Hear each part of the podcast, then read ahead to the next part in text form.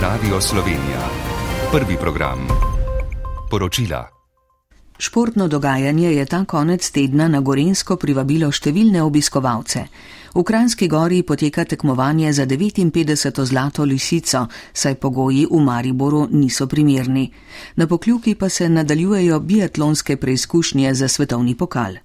Organizatorji povdarjajo, da so poskrbeli tudi za dovolj parkirnih prostorov, posebnih logističnih težav ob upoštevanju navodil redarjev in policistov ne pričakujejo. Ob množici domačih in tujih gostov so te dni nastanitvene zmogljivosti v Kranski gori in na Bledu zasedene.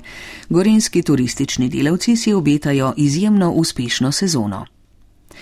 Pravoslavni verniki praznujejo Božič. Srbski patriarh Porfirije Perič je v poslanici povdaril, da se moramo za mir potruditi sami. Pozval je k miru v Ukrajini in na Kosovo. Kosovske oblasti napovedujejo preiskavo sinočnjega streljanja pri kraju Štrbce na jugu Kosova, kjer je pripadnik kosovskih varnostnih sil ranil kosovska Srba, stara 11 in 21 let. Žrtvi, ki nista v smrtni nevarnosti, sta ob cesti nosili badnjak. Kosovski Srbi so v znamenje protesta po noči blokirali cesto, ki povezuje Štrbce s preostalo državo, a so se zjutraj umaknili. Napad so obsodile srpske oblasti, pa tudi vodstvo Evropske unije. Kljub premirju v Ukrajini, ki ga je enostransko razglasila ruska vojska in bo potekalo do 22. po našem času, so v minulih urah poročali o izmenjavi ognja, predvsem na območju mesta Bahmut v regiji Donetsk na vzhodu Ukrajine. Ruski predsednik Vladimir Putin je v božični poslanici povdaril, da Ruska pravoslavna crkva podpira posebno vojaško operacijo v Ukrajini. Tamkajšnji predsednik Volodimir Zelenski pa je pravoslavni božič označil za praznik družine, za kar je označil tudi ukrajinski narod. Ob tem se je zahvalil ameriškim in nemškim oblastem, ki so obljubile dodatno oboroževanje ukrajinskih sil. Ameriški predsednik Joe Biden je čestital vodji republikancev Kevinu McCarthyju, ki so ga danes izvolili za predsednika predstavniškega doma ameriškega kongresa. Biden je povdaril, da je čas za odgovorno vladanje in izrazil pripravljenost na sodelovanje z republikanci.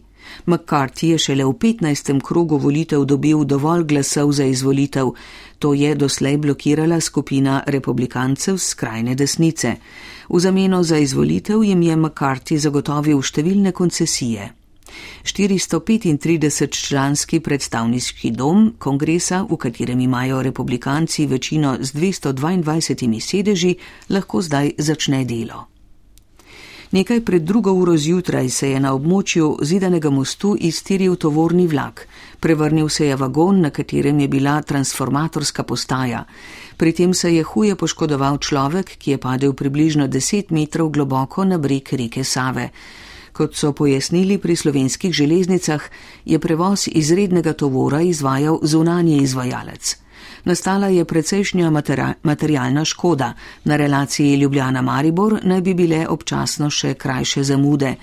Gasilci so preventivno pregledali površino Save do Radeč zaradi morebitnega razliva naftnih derivatov. Po podatkih Agencije za okolje bo na